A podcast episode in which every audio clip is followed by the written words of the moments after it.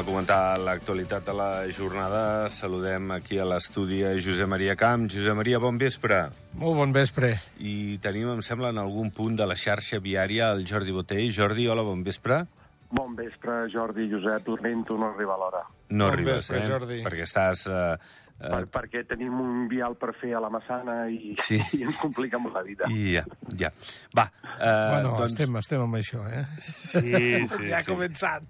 Almenys a ficar, a ficar les pancartes. Bueno, escolta, eh, aviam com ho valoreu. El Tribunal Superior ha aturat el desnonament de la padrina d'Escaldes, que viu des de fa dècades en un pis. Recordeu, l'edifici és propietat de, de Gref. També ha ordenat a la societat del youtuber que es tornin a col·locar al seu lloc els tancaments i les finestres que es van arrencar fa gairebé 4 anys, quan va començar aquest litigi. No, no sabem la, la versió de, del de Gref ni tampoc de la, de la padrina. Eh, uns deuen estar més contents que d'altres, lògicament, però com, com veieu això, i no sé si tindrà més recorregut legal, eh? Tampoc sé eh, els, en aquest cas, damnificats amb, amb aquesta eh, sentència els eh, bé, advocats de De Gref que faran. No sé, poca cosa es pot dir perquè mm, com no sabem, no sabem primerament, vull dir, eh, la versió, quina és la realitat, no?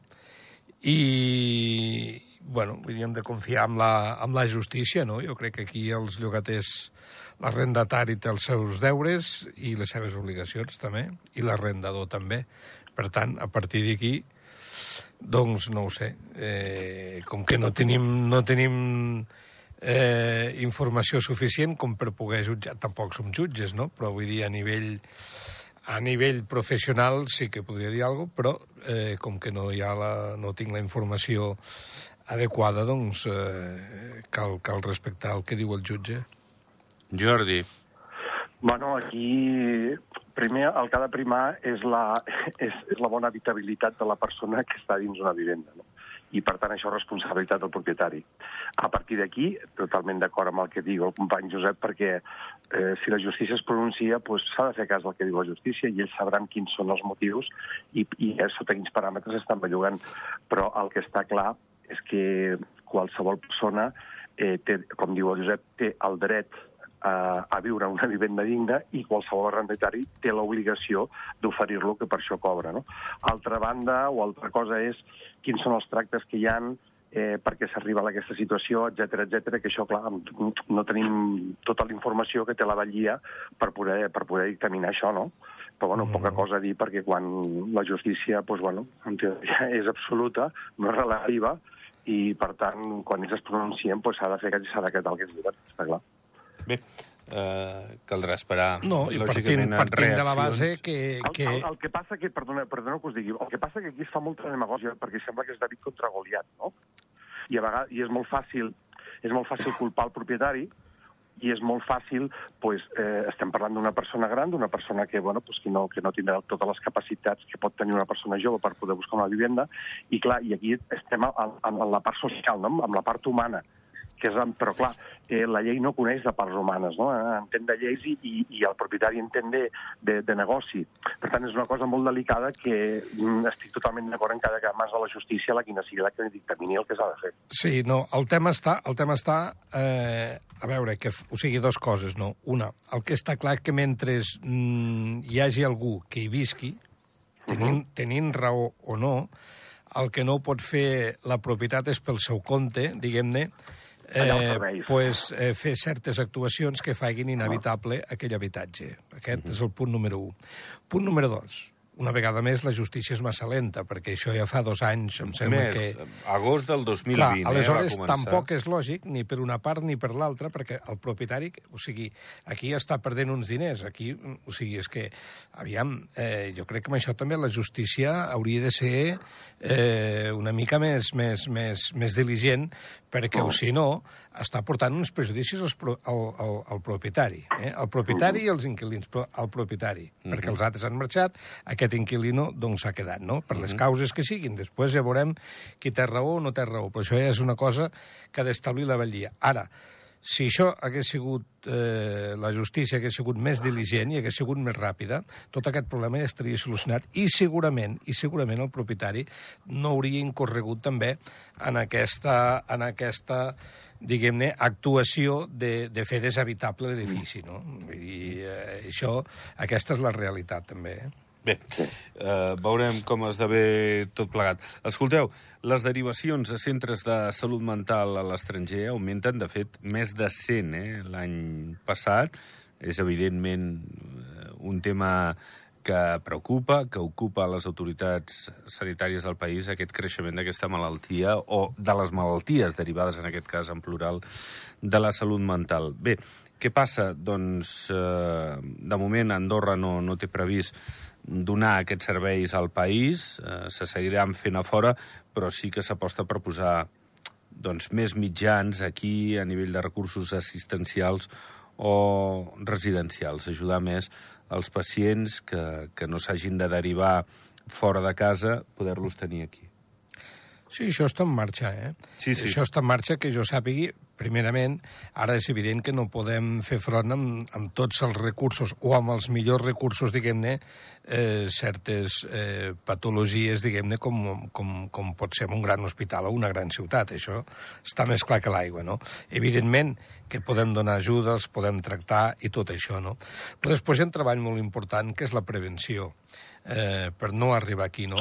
I avui dia jo crec que és, és, és, és públic i notori, no?, perquè es, es veu, es veu, es veu pel carrer, eh, es veu certes, certes situacions de joves, de, de, de, de, de adolescents, o encara no són adolescents, podem dir, no?, eh, o sigui, nois molt joves, amb 12 anys, per exemple, deambulant pel carrer, eh, amb, amb begudes alcohòliques, amb, amb, amb cigarretes, amb, bueno, en fi, i d'altres substàncies que eh, no, són, no són pròpies, no?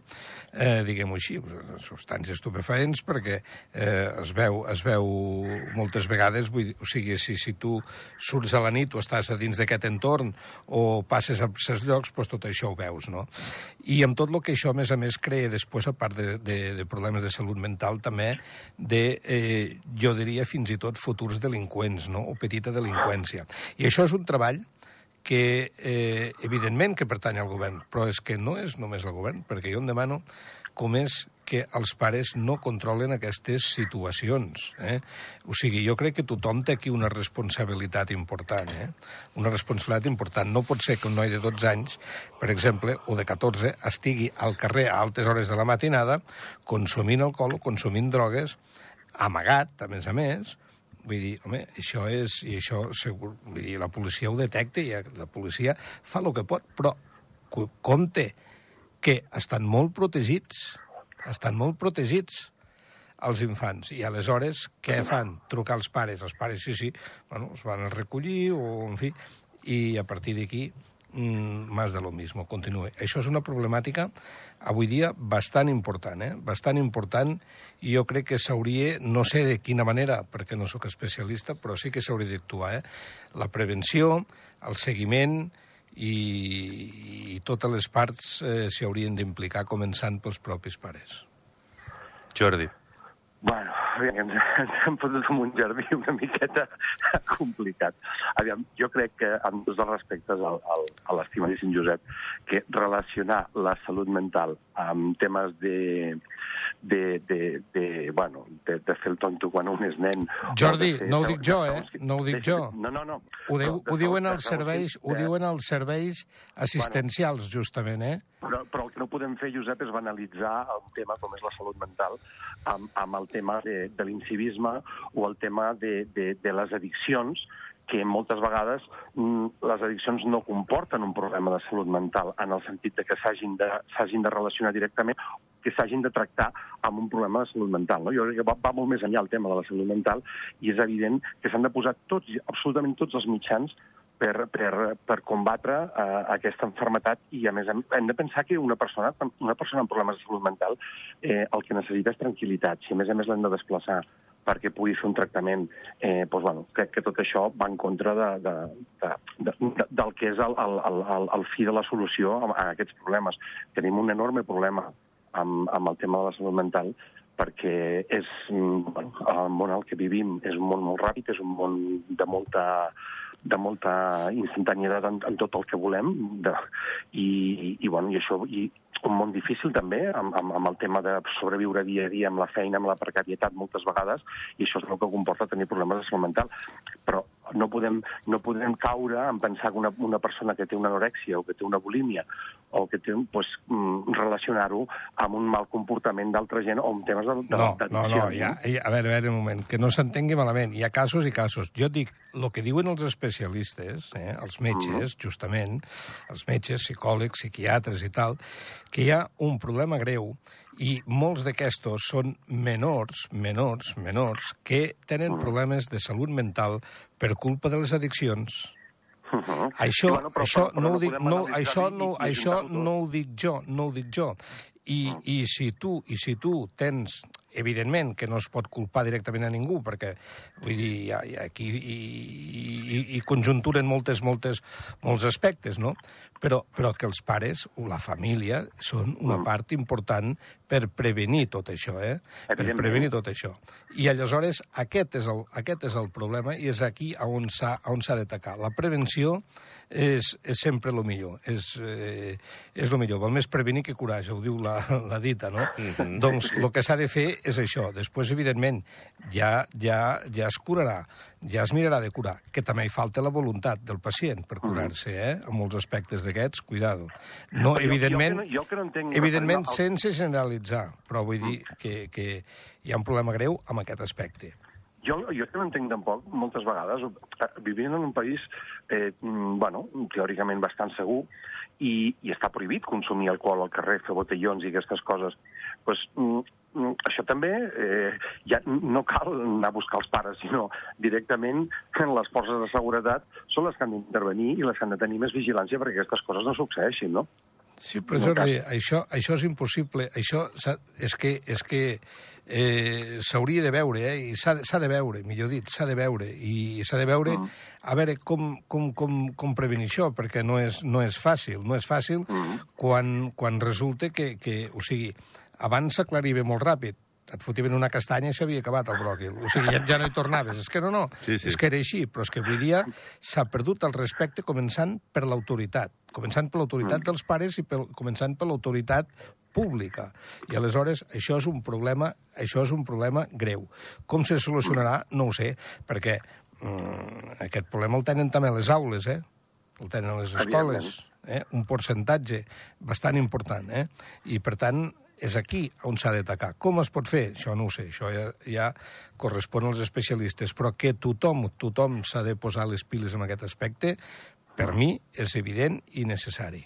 Abans deies, Josep Maria, incidia sobretot en els joves, i ja ho està parlant, eh? ara una bona estoneta amb el Jordi, amb el Jordi sobretot d'aquesta qüestió. La salut mental és de tothom, la gent gran, la gent jove, la gent ni gran ni jove eh, tothom eh, no està exempt de, en un moment donat de la seva vida de patir algun tipus de, de malaltia mental. Bé, el que passa que eh, ara eh, ens aturem avui perquè n'hem parlat en els joves, en els més joves, en aquests eh, que deies tu, de 12, 14, 16 anys, -huh. que, que els hi falten eines, que no saben gestionar tot això, i que arran de la pandèmia, com, com també amb la gent gran, eh, s'ha vist...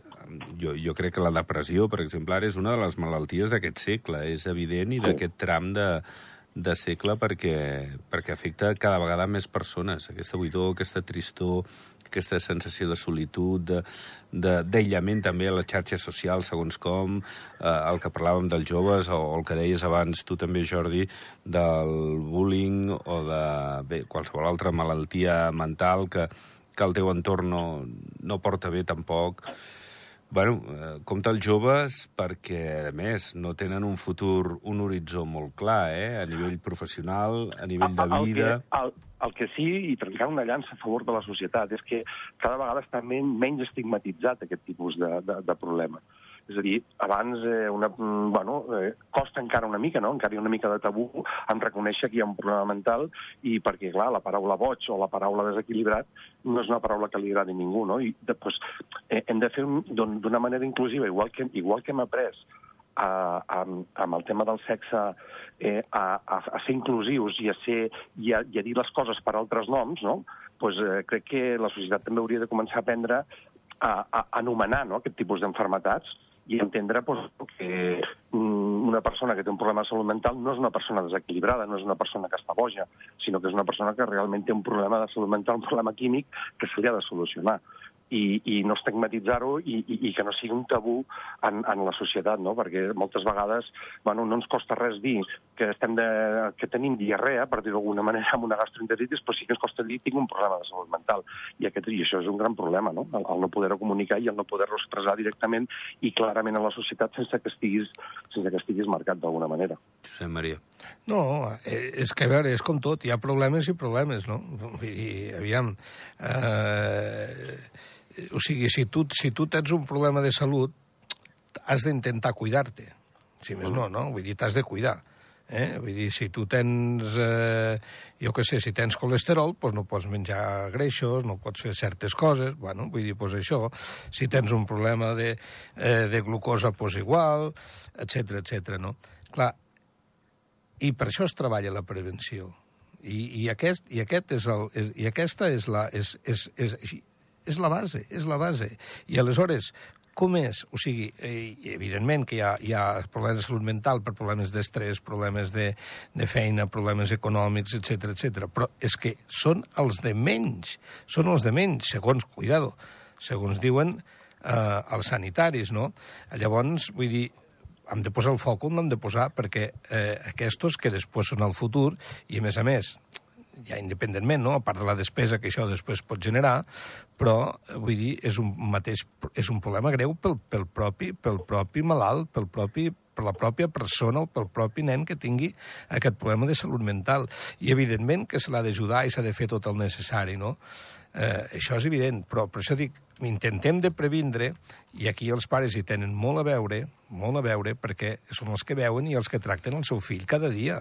Sí. Mm, però, clar, eh, vull dir, si el deixem abandonat, el deixem créixer com els pins del bosc, pues, eh, parlant clar i català, no? pues passa el que passa. Bé.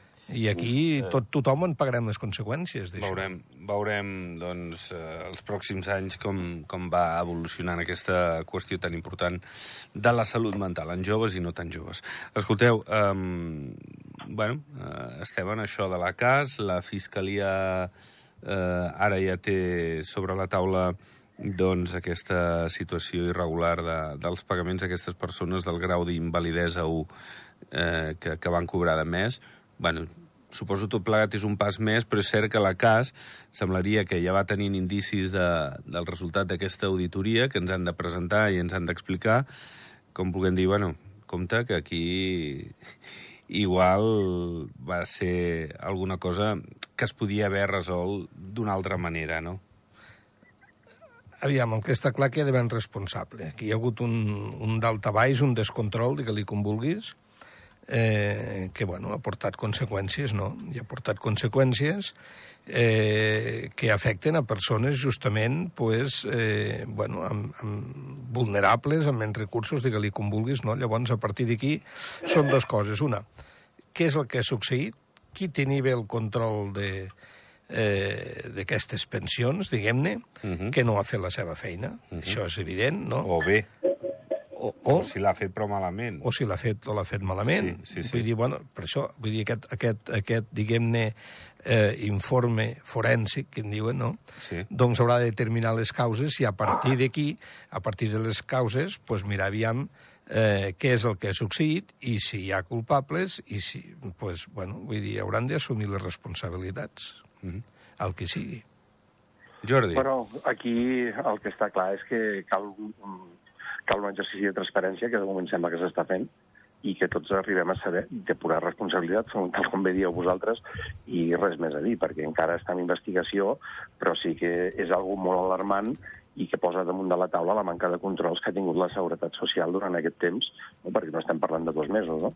i no estem parlant de, de, de, de 10.000 euros, bé, estem parlant de molts diners que, per cert, ara molta gent deixarà de percebre, no? ho, ho ha deixat de percebre i comptaven amb aquests ingressos. Eh, per tant, mm, a part, a part de, del drama social que això ocasionarà a moltes famílies, doncs, bueno, mm, la despesa mal gestionada o que hem de creure tots que no ha estat mal intencionada, sinó que ha estat un, que ha estat un problema, però evidentment eh, quan comets un error i no ets capaç, i no ets capaç de subsanar-lo, pues has, de, has de buscar un responsable i saber què és el que ha passat, no? perquè, sobretot perquè no torni a passar una altra vegada. Mm. Però vaja, el que està més clar de tot és que transparència n'hi ha d'haver i sembla que n'hi ha i que, eh, i que haurem de saber què és el que va passar i després depurar les responsabilitats. Clar. Bé, ahir es reunia Sánchez amb, o Espot amb Sánchez a la Moncloa a Madrid eh, sobre la taula lo del tercer pagador. Bé, per tercer pagador. El, el pagador que, que pugui avalar... Eh, el Banc, el banc d'Espanya, no? Que correcte, sembla que s'obre la porta que pugui ser el Banc d'Espanya, s'estava parlant del Banc de França, i, i bé, Eh, la veritat és que bueno, demostra que les relacions amb Espanya són bones, també la qüestió de l'energia, eh, reforcen aquests lligams perquè Andorra sempre doncs, sí. no tingui aquest desabastiment en situacions molt compromeses, no? No, bueno, i en França també, no? En França també ja, sí, sí, ja es va també, parlar també, també. i també estarien disposats. Però en França ja són molt bones també les relacions, em sembla que és una sí. etapa molt bona. I amb Espanya jo crec que hi ha hagut de més i menys, el cas Catalunya, s'ha enrarit molt, jo no sé si ara amb el Partit Socialista o amb el govern d'ara les bueno, coses potser han anat una mica aviam, millor. el cas Catalunya tampoc era, era culpa de, era culpa d'Andorra, o sigui jo, jo, jo més aviat penso que, que, que més que el cas Catalunya pues, és, és el tema d'on venim no, nosaltres i que, bueno, pues, eh, que si, si, som, si, si mirem una miqueta en perspectiva eh, 15 anys enrere el, el país pues, no era un país bastant fiable a nivell, a nivell de, de transparència econòmica. No? Per tant, eh, això demostra i denota un, un, doncs, bueno, una solidesa d'Andorra, una confiança d'Andorra en, en els països veïns, i això és una tasca doncs, que, bueno, que és una tasca que s'està fent des de fa molts anys, el tema del nivell de blanqueig de diners, dir, la sortida de la llista de paradisos fiscals, i això, bueno, doncs, això que països eh, com siguin França o Espanya, recolzin i estiguin disposats a, a fer de tercer pagador o, o avalar, no?, amb el Banc d'Espanya el, el, el, el pressupost nacional doncs, eh, diu molt de nosaltres, diu molt d'aquest país i de la feina que s'ha fet fins ara. Sí, sí, però, però cuidado, eh? hi, ha, hi ha una matització aquí, eh? que és que tant el Banc de França com el Banc d'Espanya sí que estarien disposats, estan disposats, però necessiten que hi hagi aquest acord d'associació. Sense això no hi ha... Evidentment, sense però, això però, no hi però... pot haver aquest, aquest, eh, aquest conveni, no? Clar, però és el gat que es mossega, és el gat eh, que es mossega la cua. Claro. Dir, una cosa va amb l'altra, però està clar que tot va començar pues, amb, amb, amb els canvis que es van fer ja ara fa uns anys a, a nivell sobretot de blanqueig sí, de capital. Sí, no? sí, sí, sí, però bueno, d'altra banda també també val a dir que, que diguem-ne, la bona la bona sintonia amb Espanya no és, és d'ara, evidentment, que és molt bona, això, això, això està clar, perquè hi ha gent que són...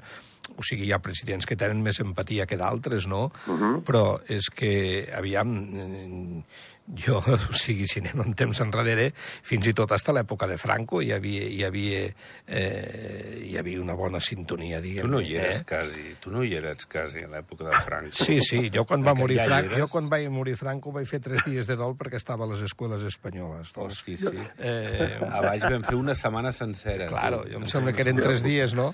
Però vull dir que, que esclar, Uh, però és que, però és que va, em sembla que eren tres dies, eh? Som els però, abuelos cebolletes. Però vull dir, però vull dir no, això, eh? perquè, a veure, home, Andorra era un país, era un país molt, molt, molt rural que, que visquivia mm, de la, de la... Andorra era un país que no, que no podia oferir res a Espanya claro. i, i, i, i, i, el que feia i el que estava interessat en tenir l'acord era Andorra perquè no, perquè no s'hi fotés la Guàrdia Civil. No, no, no, no, però vull dir que sempre hi ha hagut, sempre hi ha hagut ajudes per part dels països veïns, això està clar, no? I, i que durin. Uh, Jordi Botell, Cuida't, gràcies. Moltíssimes gràcies i disculpeu a no tu. haver estat aquí vosaltres. Merci. Jordi, et posarem falta. Josep Maria, gràcies també a tu. Gràcies a vosaltres, una abraçada, Jordi. Una abraçada. Va, doncs pleguem veles, ho deixem pel que fa aquest dimecres, demà i tornem a les 7. Que vagi molt bé, adéu-siau.